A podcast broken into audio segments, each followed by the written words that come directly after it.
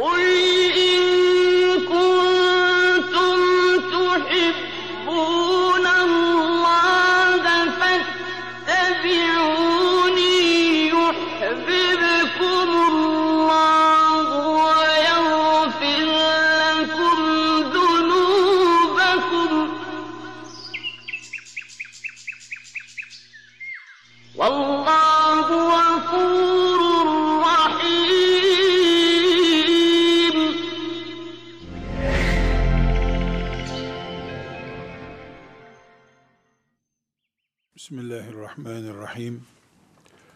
Elhamdülillahi Rabbil alemin.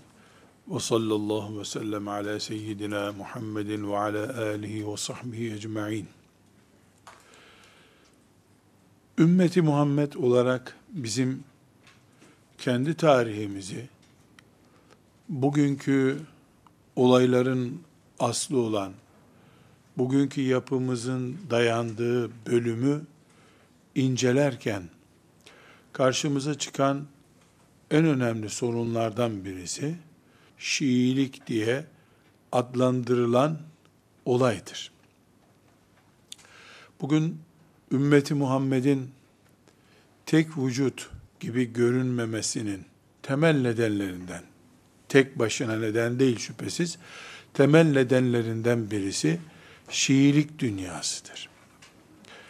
Bu Şiiliğin bir alt ve yan versiyonu gibi de Alevilik vardır.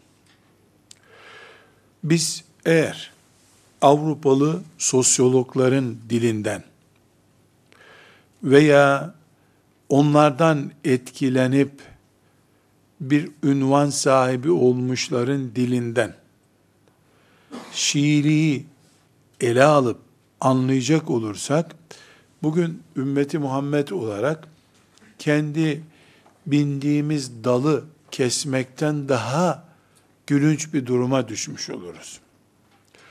Evet, ortada bir Şiilik ve Alevilik sorunu vardır. Yani bugün realite olarak vardır. Ama bu ümmetin çekirdeğinde bir sorun değildir bu.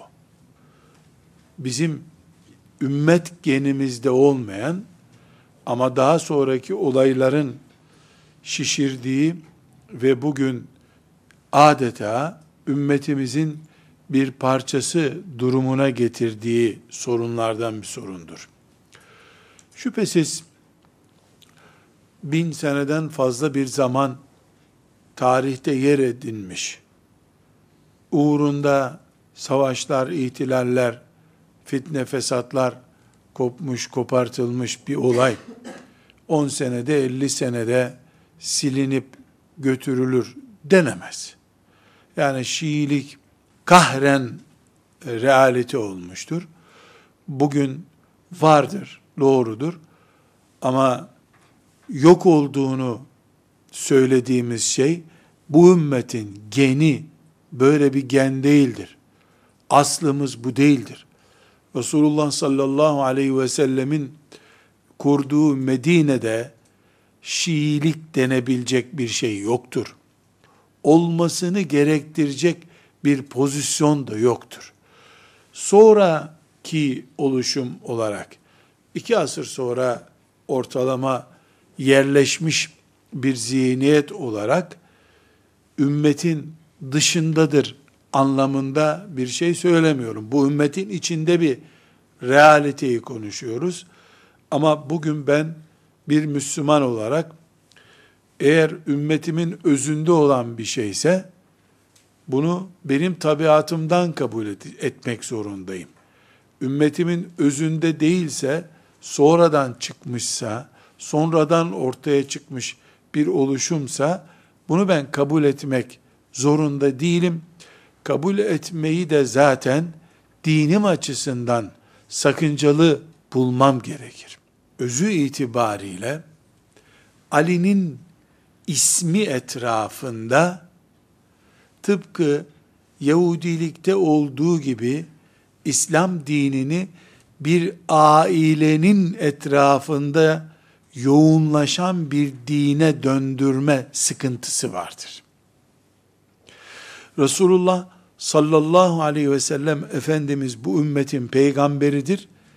Ama bizim ibadetimiz, din ve itikat anlayışımız onun şahsı ve ailesi etrafında dönmüyor. Yahudilik diyoruz. Yakup aleyhisselamın çocuklarından birisi olan Yehuda'nın etrafında dönen din demek. İsrail oğulları diyoruz. Kur'an-ı Kerim diyor. Hadisi şerifler diyor. Ne demek? İsrail'in çocukları demek. İsrail kim? Yakup aleyhisselam. Yakup aleyhisselamın soyu üzerinden devam eden din demek. Öyle takdir buyurmuş Allahü Teala. Ama İslam Arap'ın, Acem'in ve bütün dünya ırklarının dinidir. Bir ailenin dini değildir. Burada hassas bir çizgi var. Resulullah sallallahu aleyhi ve sellem sık sık ve en sonda veca, veda haccı esnasında ehli beytini bize emanet ettiğini, ehli beytine karşı Kur'an'a gösterdiğimiz, ona peygamberimiz olarak gösterdiğimiz saygı gibi saygı göstermemizi emretmiştir. O emretmiş olmasa idi bile bizim elinden hidayet bulduğumuz Peygamberimiz sallallahu aleyhi ve sellemin ehli beytini başımıza taç yapmamız bir şerefti bizim için. Ki şimdi hem şereftir bizim için ehli beytini başımızın tacı görmemiz, gözümüze sürme bilmemiz hem şereftir bizim için hem de şeref olduğu kadar da dini bir vecibedir. Ümmeti Muhammed olarak biz Resulullah sallallahu aleyhi ve sellemi imanımızın kaynağı, hidayetimizin özü olarak bildikten sonra onun ehli beytini de elbette ki başımızın tacı bileceğiz. Ama İslam bir aile dini değildir. Bir ailenin dini değildir. Dolayısıyla biz ehli beyti saygın, muhterem, Resulullah sallallahu aleyhi ve sellemin emaneti olarak görürüz ama onlara ibadet etmeyiz. Onların her birini nübüvvet makamında görmeyiz. Nebimiz bir tanedir.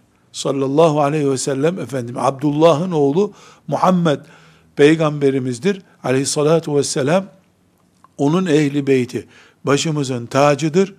Ama başımızın tacı olmaları onların peygamberlik makamında görülmeleri kıyamete kadar aile boyu devam eden bir peygamberlik silsilesini devam ettirmeleri anlamında değildir.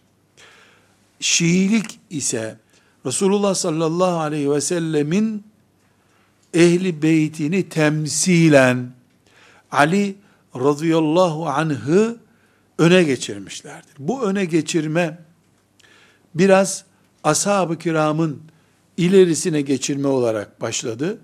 Daha sonra Ali'nin radıyallahu anh e, peygamberlik makamında olabileceğini ima eden şeyler olarak ona çıktı. Yer yer İslam dışına kaymış fırkalar arasında Nusayrilikte olduğu gibi Ali radıyallahu anh'ta uluhiyet aranır bile oldu. İsa aleyhisselam da e, teslis akidesine sahip Hristiyanların bunu aradıkları gibi, bulduğunu zannettikleri gibi. Ama e, bir şeyi tasih etmemiz lazım. Asla ve kat'a Şiilik, Ali'yi ilah görmek değildir. Böyle bir anlayış Şiilikte yoktur. Umumiyetinde yoktur. Ona yamanmaya çalışan e, tamamen sapıtmış, e, İslam'ın dışına çıkmış birkaç cahilin dedikodusu olarak vardır. Ama her halükarda Şiilik de, namaz kılan, oruç tutan Alevilik de adı üstünde, Şiiliğin de adı üstünde. Teşeyyü Arapçada Şiileşmek bir şeye taraftar olmak demektir. Bir şeyin taraftarı olmak. Bu taraftarlıkta Ali taraftarlığıdır. Eğer ortada Resulullah sallallahu aleyhi ve sellemin damadı, bu ümmeti Muhammed'in dördüncü halifesi, Allah'ın arslanı, ümmeti Muhammed'in alimi, müttaki ve ümmetin önder şahsiyetlerinden biri Ali'yi sevmek anlamında bir alicilikten söz ediliyorsa şu dünyada herkesten önce Alici biziz. Eğer Şiilik Ali'yi sevmek anlamında ise bizden daha fazla Şii olamaz kimse. Biz Aliciyiz her şeyden önce. Nasıl Resulullah sallallahu aleyhi ve sellemin sevdiğini sevemeyiz ki? Resulullah sallallahu aleyhi ve sellemin benimdir Ali dediği bir durumdan sonra bizim inceleyelim bakalım diyecek halimiz mi olur? Biz Aliciyiz, biz Şiiyiz bu manada bakıldığında. Ama Ali radıyallahu anh Allah'ın onun kaderinde koyduğu yer olan dördüncü halifelikte değil de başka bir makamda mesela 20. halife olması gerekirdi denecek bir makamda böyle bir şey yok ama ben misal olsun diye söylüyorum. Veyahut da Ebu Bekir'in yerinde, Ömer'in yerinde, Osman'ın yerinde olacaktı şeklinde bir mevcut kaderine, tecelli etmiş kaderine muhalefet ederek Ebu Bekir radıyallahu anh'ı, Ömer radıyallahu anh'ı ve Osman'ı çiğnemenin adıysa, yok kabul etmenin adıysa öyle bir Şiiliği asla kendimize layık görmeyiz. Bunu asla kabul edemeyiz. Böyle bir Şiilik bizim için yoktur. Biz kendimize nispet ettirmeyiz bunu. Ancak böyle düşünen Şii'nin bu ümmetin içinde bir parça olmadığı manasında da bunu söylemeyiz. Bizim itikadımız bunu kabul etmez. Onun itikadı kabul ediyorsa onunla Allah arasındaki bir meseledir deriz bunun için. Mevcut bu Şiilik yapılaşmanın neresinde duruyoruz? Bunu kendimiz açısından, yetiştirdiğimiz nesillerimiz açısından çözmemiz gerekir. Biz kendimiz açısından bunu irdeliyoruz. Kendimiz açısından bir çözüm üretiyoruz. Şiiliği yani son 100 senede mesela ciddi bir şekilde bir yakınlaşma oluşsun, bir çözüm oluşsun diye gayretler yapılmış, hiçbirinden sonuç çıkmamıştır. Çıkması da muhtemel değildir. Şüphesiz Allahu Teala lütfeder. Ümmeti Muhammed bütün bu sorunlardan bir gecede kurtulur. Böyle bir mucizeyi iman ederiz, kabul ederiz ama e, sosyolojik hesaplar, insan psikolojisi hesapları açısından baktığımızda böyle bir formül dünyada şu anda yoktur. Yakın e, yıllarda olması da ihtimal dahilinde değildir. Ama biz Müslümanlar olarak e, kendimizi mesela yahu Şii olmadık diye acaba dalalette miyiz? Şeklinde bir tereddüt zihnimizde oluşmaması açısından nereye oturuyor bunu göreceğiz. Şimdi çözüm için önce iki e, noktayı tespit edeceğiz. Bir, Ali radıyallahu anh ehli beytten midir? Ehli beyttendir. Resulullah sallallahu aleyhi ve sellemin veda haccı esnasında bile bize hürmet etmemizi, korumamızı emir buyurduğu kadronun içinde midir? Evet öyledir. İki, ehli beyt bizim için imani bir mesele midir? Vallahi imani meseledir. Ehli beyte kalbinde zerre kadar sorunu olanın zerre kadar iman sorunu vardır. Ehli beyte yüzde on oranında haşa bir itirazı olanın yüzde on iman sorunu vardır. Yüzde elli, yüzde elli. Yüzde yüz, yüzde yüz. Neden? E, Resulullah sallallahu aleyhi ve sellemin ricası da değildir. Bu emridir. Ehli beytime tazim edeceksiniz buyurmuştur. Buna kesinlikle ehli beyte saygımız imanımızla ilgilidir. E, hayat rehberi derslerinde ehli beyte borcumuz diye bir ders yapmıştım seneler öncesinde. Orada mufassalen bunu anlatmıştım. Yani ehli beyt imanımızla alakalıdır. Tartışamayız bu konuyu. Resulullah sallallahu aleyhi ve sellemin ailesiyle ilgili bir konuyu, hanımlarıyla ilgili bir konuyu, imanımız bizde durduğu halde ne kadar konuşabiliyorsak, ehli beyti de o kadar konuşabiliriz.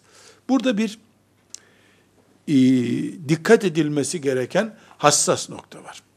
Ehli beyti Resulullah sallallahu aleyhi ve sellem Efendimiz, yani onun e, ailesini bizim önümüze tazim edilecek bir konu olarak çıkardığına göre, böyle kabul ettiğimize göre, hiç tereddüt etmeden söyleyebiliriz ki, Efendimiz sallallahu aleyhi ve sellem size ehli beytime emanet ediyorum buyurduğu gün, iblis de ben de kabul ettim bu emaneti demiştir. Yani bizim imanımız açısından sabah namazı niye öğle namazından daha fazla değer taşıyor? Allah çok üzerinde duruyor onun için. İblise göre hangi namaz bizim için daha önemli? Yani iblis de namaz dosyasını inceliyor bir defa. Bu Müslümanların namaz diye bir dosyası var. Buna ben bakacağım diyor. Sonra hangisinden başlıyor? Sabah namazından başlıyor. Niye Allah sevap dağıtmaya, kulluğumuzu kabul etmeye sabah namazından başlıyor. Bir sabah namazının sünneti bu dünyanın tamamından değerlidir diyor sallallahu aleyhi ve sellem Efendimiz. İblis içinde sabah namazı nedir? Bir numaradır. Bir numaradır. Kadın konusu Resulullah sallallahu aleyhi ve sellem Efendimiz ne buyuruyor? Benden sonra sizin için en önemli sorundur diyor. İblis için o zaman bir numaralı çalışma alanı nedir? Kadın alanıdır. Yani iblis şansına ne çıkarsa o konularla ilgilenen biri midir? Bizim için can noktasına en yakın hangi ise o konuyla mı ilgileniyordur? İblis enayi değil. Bizim için 5 lira yapan bir şey var, 500 lira yapan bir şey var. O da bir hırsız neticede. Niye evden getirip koltuk çalsın ki? Evde 100 tane koltuk alacak kadar değer yapan bir eşya varsa onu çalar. Resulullah sallallahu aleyhi ve sellem Efendimiz bize ehli beytini hassas bir nokta olarak emanet edip gittiğine göre iblis içinde ehli beyt gayet hassas bir konudur. Hassas bir konu olduğu için de bu konuda muvaffak olmuştur. Mesela Emeviler gibi, çoğu ashab-ı kiramı görmek şerefine nail olmuş insanlar ehli beytle savaştılar durup dururken. Ayakları değil, yüzleri gözleri kaydı. Yüz felci oldular bu işten. Ehli beytle Ehli beytin sultanı olan Resulullah sallallahu aleyhi ve sellemin torunlarıyla savaştılar. Yani iblis bir yüz sene geçirmeden bu Efendimiz sallallahu aleyhi ve sellemin ehli beytimi size emanet ediyorum. Aman dikkat edin. Kur'an'ı emanet ediyorum ehli sünneti emanet, ehli beyti emanet ediyorum buyurduğunun üzerinden 100 sene geçmeden iblis projesinde muvaffak oldu. Kerbela'da muvaffak oldu. Niye muvaffak oldu? Çünkü iblis yan gelip ehli beyt diye bir konusu varmış Müslümanların diye bir kenara çekilmedi. Bazı Müslümanlar gibi ehli beyt diye sorsan belki kimdir ehli beyt ona bile cevap vermeyebilir ha. Şiilerin imamları diyebilir maazallah. Bazı Müslümanlar gibi davranmadı iblis. Baktı ki veda hutbesinde bile Peygamber Efendimiz faizden bahsediyor. Faiz benim ekmeğim dedi o zaman. Faizden ben bu Müslümanları yakalarım dedi. Baktı ki veda hutbesinde sallallahu aleyhi ve sellem Efendimiz ehli beyti emanet ediyor. Tamam. Ehli beyt bu benim ekmeğim dedi. Ve yüz sene geçmeden becerdi. Yüz sene geçmeden ehli beyt üzerinden iki şeyi becerdi. Bir, Resulullah sallallahu aleyhi ve sellemin ehli beytine zulüm yaptırdı. En vahşi, en hun har zulümlerin yapılmasına Müslüman eliyle. Rum diyarından, Pers diyarından, zalimler gelip de ehli beyte zulmetselerdi Medine'de, emin olun bu kadar acı olmazdı. Niye? Zaten onlar şehit olup giderlerdi. Rablerine kavuşurlardı. Biz de ümmeti Muhammed'in peygamberin ehli beytine yapılmış bu zulmün zalimleriyle kıyamete kadar savaşırdık. Ama öyle yapmadı. Bu katliamı Müslüman eliyle yaptı. Müslüman eliyle yapınca iki kuş vurdu bir taşla. Birinci nokta bu. İkinci nokta, Orada bir zulüm yapıldı. O zulümle e, ümmeti Muhammed'in gözünden kanlı yaşlar akıttı. Hasret yaşları akıttı. Kahroldu ümmeti Muhammed. Ama becerdi bunu şişirdi, şişirdi, şişirdi. Sanki yeni bir din çıkmış gibi Şiiliği ortaya çıkardı. Dengeyi kaybettirdi. Denge kayboldu. Sanki yeni bir peygamber çıkmış gibi bir Ali, bir Hüseyin anlayışı ortaya çıkardı. Sanki İslam'a ilave bir şeyler getirilmiş hissiyatı verdirdi. Şiileri siz farklısınız. Farklı bir ibadetiniz var. Onlara benzemesin ibadetiniz. Diye ikna etti. Onları öyle görünce de öbür taraf, ulan bunlar hangi dinden acaba diye dedirtti. Sun'i, bu ümmetin içinde Ortodoksluk, Protestanlık gibi bir oluşuma suni bir şekilde yol açtı. Ve bunu da Hristiyanlıktaki menfaat kavgasından kaynaklanan ekolleşmelerde ki adice, çok ucuzca Ortodoksluk, Protestanlık çok ucuzca oluştu Hristiyanlıkta. Makul bir gerekçesi de yok aslında. Var tabi dosyalar dolusu, ciltler dolusu gerekçesi var ama makul bir gerekçe değil. Şiiliği çok makul bir gerekçenin üzerine oturttu. Peygamberin torununun katliamının yıl dönümü dedi. Bir acı üzerine oturttu. Böylece başardığı şey İslam'ı bir aile dinine doğru kaydırma başarısıdır. O çapta başarmıştır. Biz Resulullah sallallahu aleyhi ve sellemin kabrinin etrafında bile tavaf etmiyoruz. Selam veriyoruz, salavat getiriyoruz, tazim ediyoruz, tebcil ediyoruz, tavaf etmiyoruz. O bunu Hüseyin'in kabrinin etrafında radıyallahu anh yaptırmaya cüret etti. Yani bir insanın dini olan İslam gibi bir şey ortaya çıkarmaya çalıştı iblis. Elhamdülillah bunu başaramadı.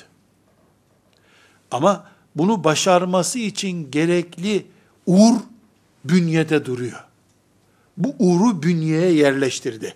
Bu mikrop yani dezenfekte yöntemiyle sık sık işte aşılarla vesaireyle e, dizginleniyor ve ezilmiş durumda oluyor ama her an mesela Şiilik e, ehli sünnet dünyanın kudreti gibi bir kudrete kavuşacak olsa mesela Suudi Arabistan e, şu anda Mekke Medine itibariyle söylüyorum. Suudi Arabistan'ın niteliğini ibra etmek bakımından değil. Ama hala hal ehl sünnet denebilecek bir kıvamda. Neden? Yani Şiilik ve diğerleri manasında bakıldığında ehli sünnet denecek e, parkurda duruyor Suudi Arabistan.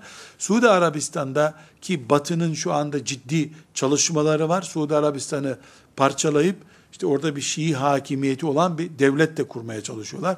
Bugünkü Mekke Medine'mizi, Cidde'yi e, İran'daki yönetimdeki gibi bir Şiilik ele geçirdiği zaman bu bahsettiğim aile dini mefhumu devreye girecek.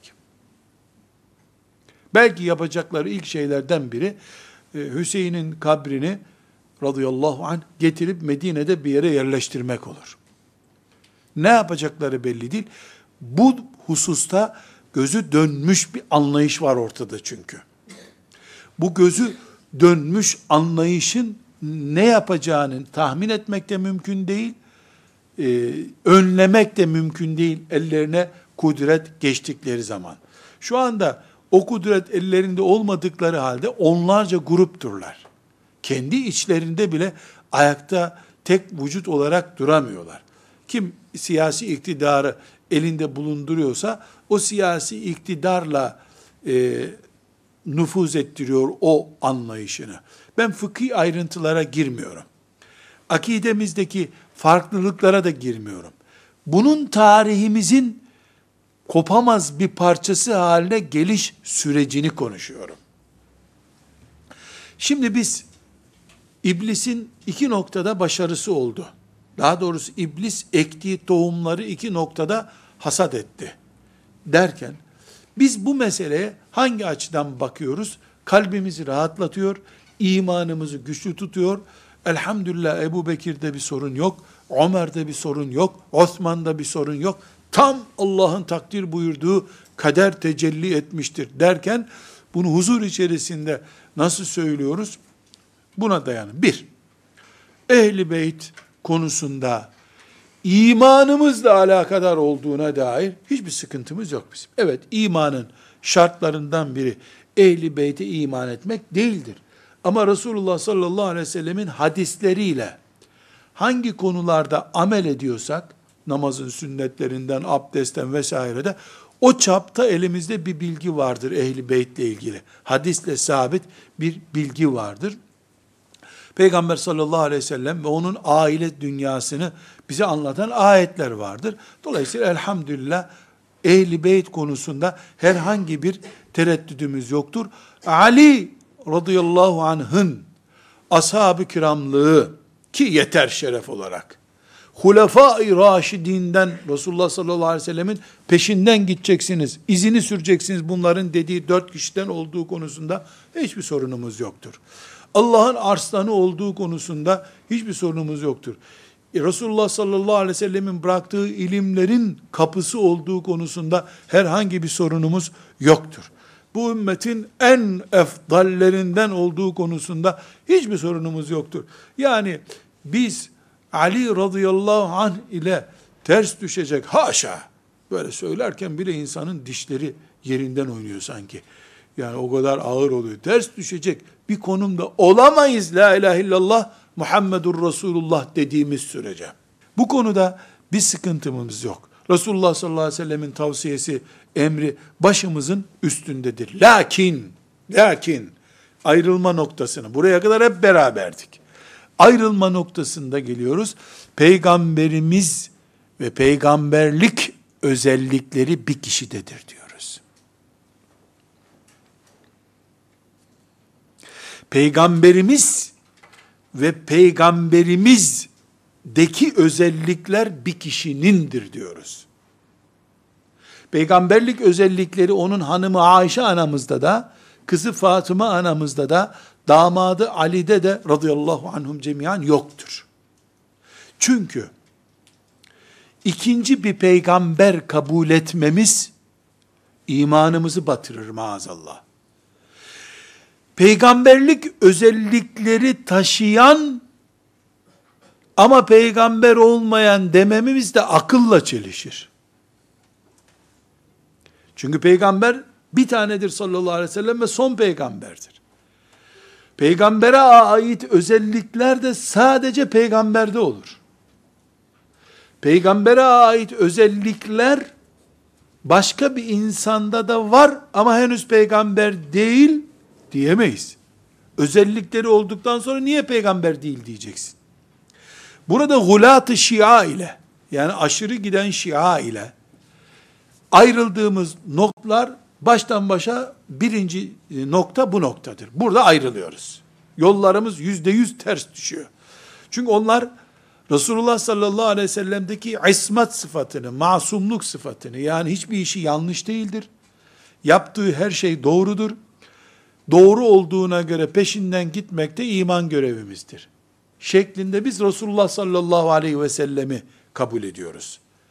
Onlar da e, umuyorum hem Resulullah sallallahu aleyhi ve sellemi böyle kabul ediyorlar, hem Ali'yi böyle kabul ediyorlar. Ve Ali'nin neslinden gelen imamları böyle kabul ediyorlar. Dolayısıyla Ali yanlış yapar mı kelimesini kullanamıyorsun. Niye? O zaman Muhammed sallallahu aleyhi ve sellem de yanlış yaptı demektir bu diyor. E, Peygamber sallallahu aleyhi ve sellem masumdu. Cebrail aleyhisselam geliyordu ona. Ali'ye de geliyordu diyor. Ali'ye niye geliyor? Peygamber mi? E değil ama geliyordu. Yo. Bu geliş yanlış bir geliş. Sen getiriyorsun gelmiyordu. Sen getirmeye çalıştın. Ali'ye hiç Cebrail aleyhisselam geldiği olmadı. Yani vahiy getirip, Kur'an getirir gibi geldiği olmadı. Belki Ali radıyallahu anh'ı Uhud'da tuttu kaldırdı. Ee, Cebrail aleyhisselam böyle bir rivayet var. Ayrı bir mesele ama e, vahiy getirmek manasında gelmedi. Şiilerle bütün bu kavgalar işte onlarda muta nikahı var bizde yok. Onların şusu var biz. Bu farklılıkların temelinde bu yatıyor. Bunu anladık mı tarihimizin tarihindeki kavşağı yakaladık demektir. Bunu anlayamadıktan sonra da olayların peşinde dolaşırız. Ne cümlemiz ne? Biz Peygamber sallallahu aleyhi ve sellem ve ondaki özellikler, peygamberlik özellikleri başka insanda olmaz diyoruz. E peygamberin ahlakı Ebu Bekir'de de yok muydu ya? Ahlak peygamber özelliklerinden değil ki. En başta masumluk yani beşerin düştüğü adi suçlar, günahlar, yanlış din anlatmak, hata etmek gibi konular Peygamber Efendimiz için cari değil, hiçbir peygamber için cari değil. Peygamber Efendimiz hatadan korunmuştur. Masumdur. Ailevi ilişkilerinde e, yediği yemekte e, yanlışlar olabilir. O yemek dokundu, dokunduğunu anlamadı. İnsani boyutunda hata olur olmaz manasında değil. Masumluk onun peygamberliğinin bize yansıma tarzında hata yok demektir. Korunmuştur. Ebu Bekir radıyallahu an insandı, masum değildi. Ömer insandı, masum değildi. Osman insandı, masum değildi. Ali insandı, masum değildi. Radıyallahu anhum cemiyan diyoruz. Şiilikle aramızdaki fark budur. Bu noktada tamamen ayrılıyoruz. Çünkü e, ismet yani masum olmak şeriat kaynağıdır. Şeriata kaynak oluşturuyor. Resulullah sallallahu aleyhi ve sellem namazda ellerini şöyle bağladı, böyle bağladı. Hepsi için evet biz de yaparız diyoruz. Niye? Masumdur, yaptığı her şey doğrudur çünkü. Resulullah sallallahu aleyhi ve sellem Efendimiz kurbanı şöyle kesti. Biz de öyle keseriz artık. Çünkü o yanlış kurban kesmez diyoruz. Sabah namazında iki rekat sünnet kıldı. Dört kılamazsın diyoruz. Kılarsan mekruhtur diyoruz. Velev ki sevap niyetiyle olsa kılamazsın diyoruz. Niye? Resulullah sallallahu aleyhi ve sellem masumdur. Yaptığı her şey ölçüdür. Masumluğu birisine daha verdiğin zaman onun da yaptığı her şeyi ibadet düzeyine taşımış oluyorsun. Bu yok. Kimse için yok. O zaman Hatimün Nebiyyin, peygamberlerin sonuncusu Muhammed demenin bir manası kalmıyor aleyhissalatü vesselam. Bu çizgiyi Şia açtığı için hani tren makası gibi bir kere bu makası açtıkları için ara sıra zapt edemeyip kendilerini ulat, uç tarafta peygamberdir Ali demeye de getiriyorlar sonunda. Bunu alenen de söylüyorlar da yani bunu orada mümin kardeşlerimiz olduğu için tenzih etmek istiyorum. Çok tehlikeli bir şey bu. Çünkü bir kere o makası açıyor. Ali'ye bu yetkiyi verdikten sonra 10 sene sonra Ali peygamber olarak bu yetkiyi kullanıyor onun nazarında. Tabi haşa maazallah mümin olarak biz böyle bir şey düşünsek afeti boylamış oluruz. Ali radıyallahu an Raşid halifedir. Efendimiz sallallahu aleyhi ve sellemin e, benden sonra uyun dediklerindendir. Ama ağzı şeriat değildir. Hareketleri şeriat değildir. Resulullah sallallahu aleyhi ve sellemin sünneti budur dediği zaman Ali başımızın üstünde bir söz söylemiştir. Ama mesela Ali filan işte böyle bir örnek olarak söylüyorum. Yanlış yaptığı zaman o yanlış bizim için sünnettir artık demiyoruz. Ali beşerdir çünkü. Masum değildir diyoruz. Radıyallahu anh. Nitekim, nitekim elimizdeki belgelerde bakıyoruz. Ashab-ı kiramın Ali radıyallahu anh'ın şura meclisine getirdiği pek çok konudaki görüşünü kabul etmediklerini görüyoruz. Bunun çok fazla örneği var. Ali hem Ebu Bekir'in hem Ömer'in hem Osman'ın döneminde radıyallahu anhüm şura meclisi üyesiydi. Ne demek şura meclisi? Yani kanunlarda, uygulamalarda, ayetleri, hadisleri anlamada söz sahibiydi. Evet, Ömer mesela Ali bir şey söylüyorsa, tamam dediği oluyordu. Çoğunlukla da Ali'nin dediği oluyordu. Çünkü e'lemun nasi bi şeriatillah. Allah'ın şeriatını en iyi bilen Ali'ydi. En iyi Ali biliyordu. Bunu hepsi de takdir ediyorlardı. Ali'yi Ali'yi soruyorlar. Ömer zaten soruyordu. Ali'ye sorun bu konuda ne diyor diyordu. Bu önemli bir meziyet Ali için radıyallahu anh. Ama hiçbir zaman ashab-ı kiram mesela 100 kişi oturdular bir konuda ittifak edecekler. E, Ali böyle dedi bir daha konuşmayalım. Tamam Ali'nin sözü sözümüzdür demediler. Hiç olmadı bu. Peki Resulullah sallallahu aleyhi ve sellem bir söz söyledikten sonra sahabede e, öyle diyor ama biz de şöyle diyoruz ya Resulullah diyen oldu mu hiç? Haşa. Resulullah sallallahu aleyhi ve sellem bir şey söyledikten sonra ashab-ı kiram ve herhangi bir Müslüman ben de şöyle söylüyorum diyebilir mi? Resulullah sallallahu aleyhi ve sellem şeriattır. Şeriatın kaynağıdır. O kaynağa herhangi bir şekilde müdahale edilemez. Ali kaynak değildir. Şeriatın tepesinde duran örnek Müslümanlardan, sahabilerden, müştehitlerin biridir. Başıdır, başından biridir belki. Tam aksine e, belli başlı meselelerde e, Ali radıyallahu anh'ın çok e, basit bir şekilde yanlış yaptığı da görülmüştür. Resulullah sallallahu aleyhi ve sellemin Efendimiz sallallahu aleyhi ve sellemi kastediyorum. Ali'ye yanlış yaptığını söylediği noktalar olmuştur. Ali'yi azarladığı olmuştur. Efendimiz sallallahu aleyhi ve sellemin. Ama peygamberi kimse azarlamadı Allah'tan başka. Eğer azarlamaksa, afallahu ank mesela, abese ve tevella, eğer azarlamaksa, öyle tercüme edilecekse, Allah'tan başkası Efendimiz'e hiçbir söz söylemedi. Söyleyemezsin, peygamber o. Masum zaten. Ama Ali radıyallahu anha bu yanlış dendi. Yanlışını geri aldı. Efendimiz sallallahu aleyhi ve sellem de Ali radıyallahu anh'a yanlış düşündüğünü söylediği noktalar oldu. Masum olmadığı için bu onun değerini düşürdüğü için değil. Masum değildi.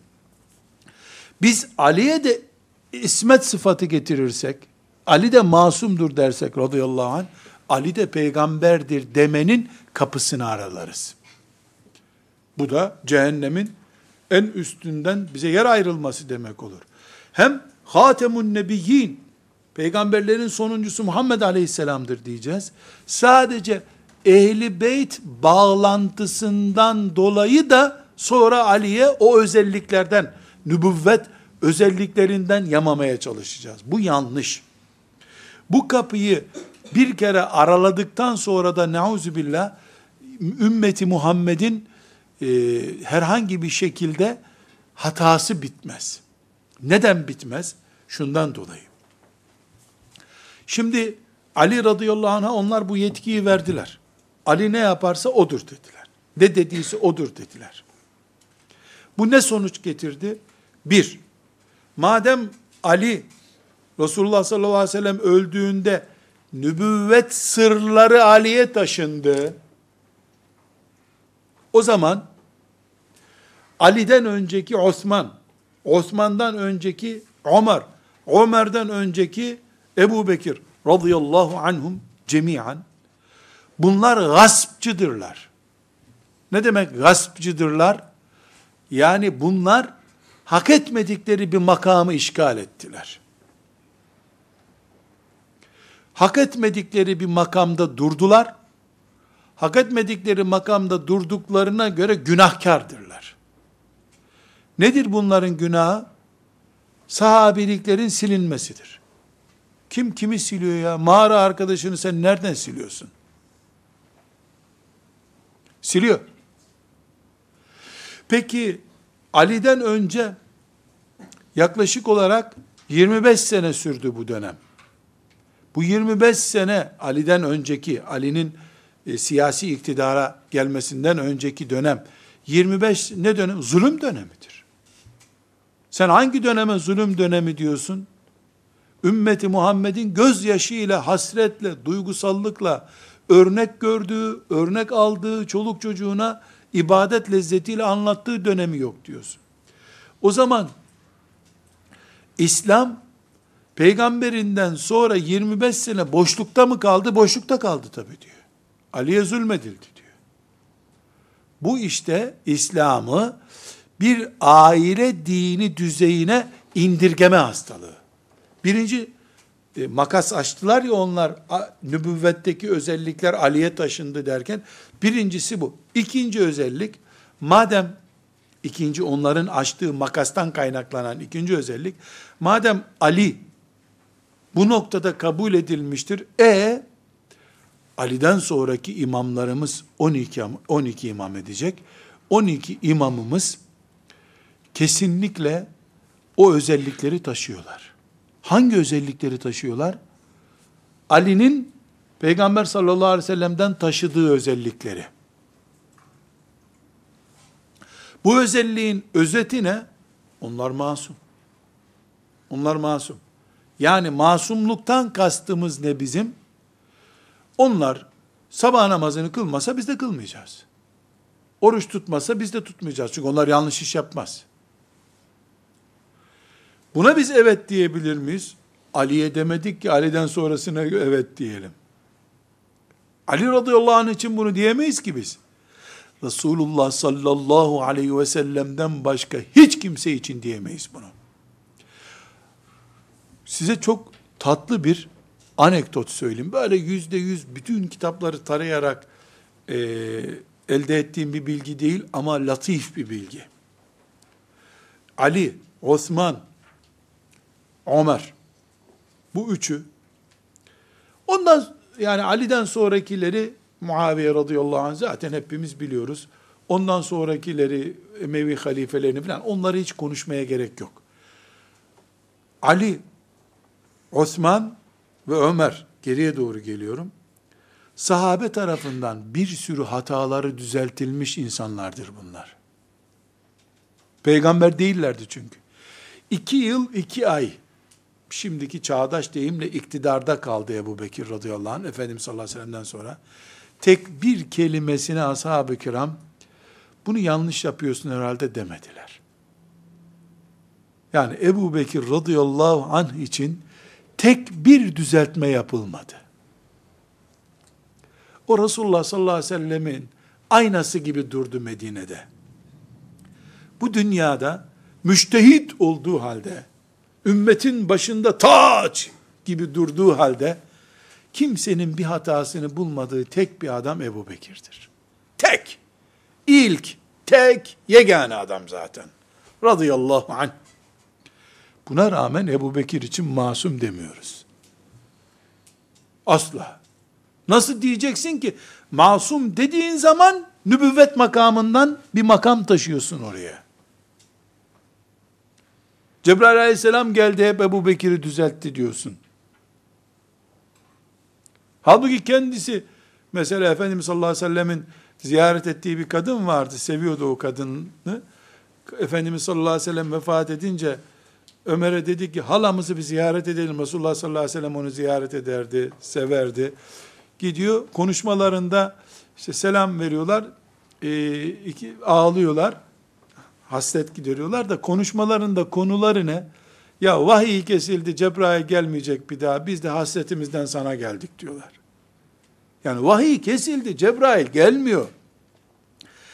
Masum dediğin zaman et, kemik, ilik, kan, irin, tırnak, saç, bıyık, sakal, göz, kulak, bağırsak, mide, insan bu. Yapısı bu bu insanın.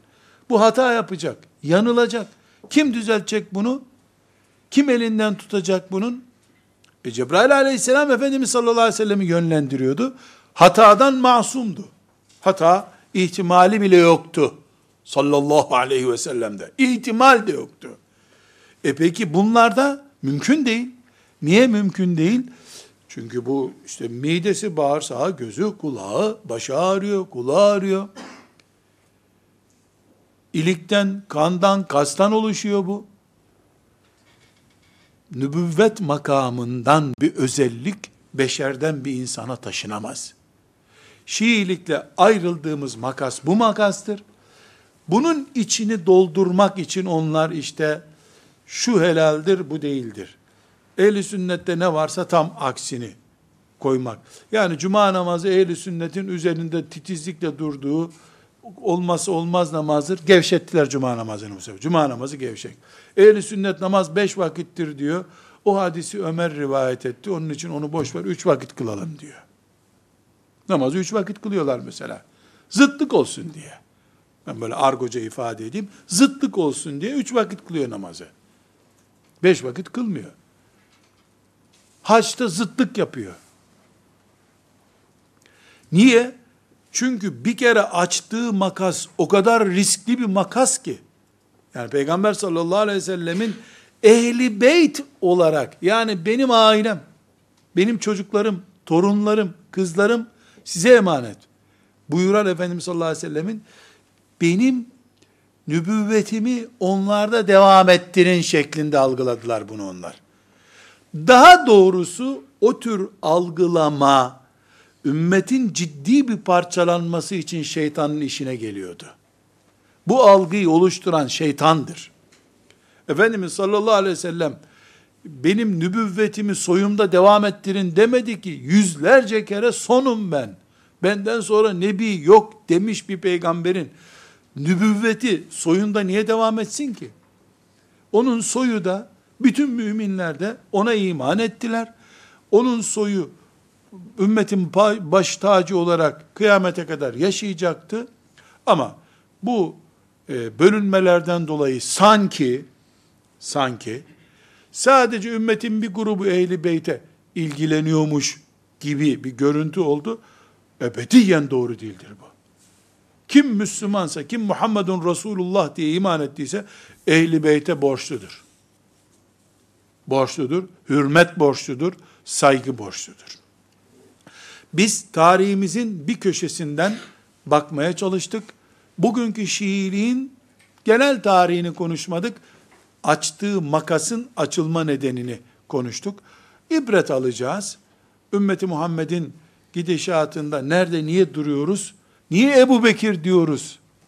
Niye Ali radıyallahu anh'a dört numara diyoruz? Üç desek ne olur? İki desek, iki desek ne olur? Gibi basit, çocuksu bir soru bile niye sormuyoruz? Onu konuşmaya çalıştık. O sallallahu ve sellem ala seyyidina Muhammed ve ala alihi ve sahbihi ecma'in velhamdülillahi rabbil alemin. قل إن كنتم تحبون